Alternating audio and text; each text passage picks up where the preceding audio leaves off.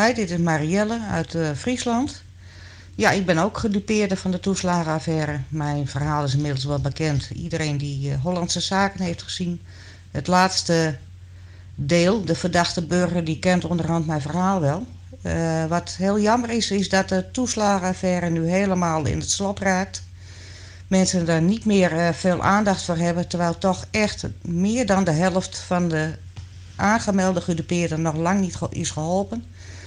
Ook degenen die inmiddels gecompenseerd zijn, die hebben een verlengingsbrief gehad. Uh, omdat de integrale beoordeling ook weer op zich laat wachten. Uh, de kindregelingen zijn nog niet, niet uitgewerkt. Zijn regelingen voor ex-partners zijn niet uitgewerkt. Het, uh, en de, zeker de behandeling ook via uitvoering herstel toeslagen laat zeer zeker te wensen over. En dat is ontzettend jammer. Het, raakt nu echt in het slop. En ja, dit wordt waarschijnlijk echt een, een jarenlange adem hebben. Voordat wij helemaal gecompenseerd zijn. Voordat echt al het leed uh, vergoed is. En dan nog. Dan nog wordt het moeilijk om je leven weer op te pakken. Want geld is niet alleen belangrijk. Helaas zelf de dupe geworden van deze belastingopvangtoeslagaffaire in 2011 tijdens mijn uh, vechtscheiding. Alles stond op mijn naam. Allemaal, allemaal voor mij achtergehouden onder een mum van schat, ik regel dit wel. Komt goed. Nam alles zonder erbij na te denken op mijn schouders. Had immers ook geen keus. Alles stond op mijn naam. En ik belandde in de schuldsanering, waarin ik een bewindvoerder kreeg toegewezen uit Nieuw-Vennep, die er maar alles aan deed om al het geld wat binnenkwam door te sluizen naar de Belastingdienst. Want dat was de schuld die als eerste volledig betaald moest worden. Naast al dit kwam er nog tot overmate van ramp zowel huur als zorgtoeslag terugbetalen bij. En die brieven bleven maar binnenstromen in de naam der koning, koningin, soms drie dezelfde. Zelfs de gemeente Haarlemmermeer en Meren deden mee.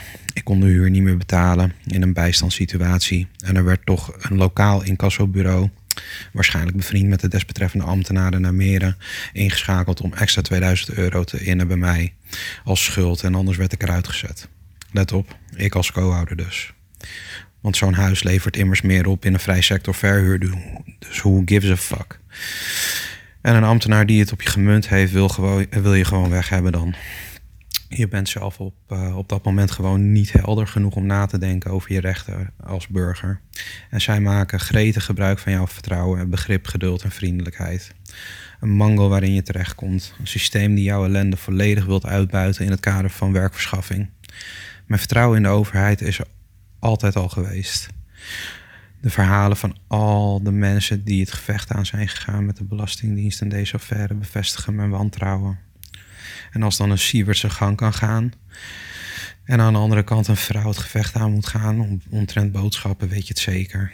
Nederland is stuk. Noem het geen welvaartsstaat meer. Don't you fucking dare. Ik vind het moedig van diegenen die het gevecht aan zijn gegaan. En ook bij mij gaat het om duizenden euro's. Ik ben ontzettend moe.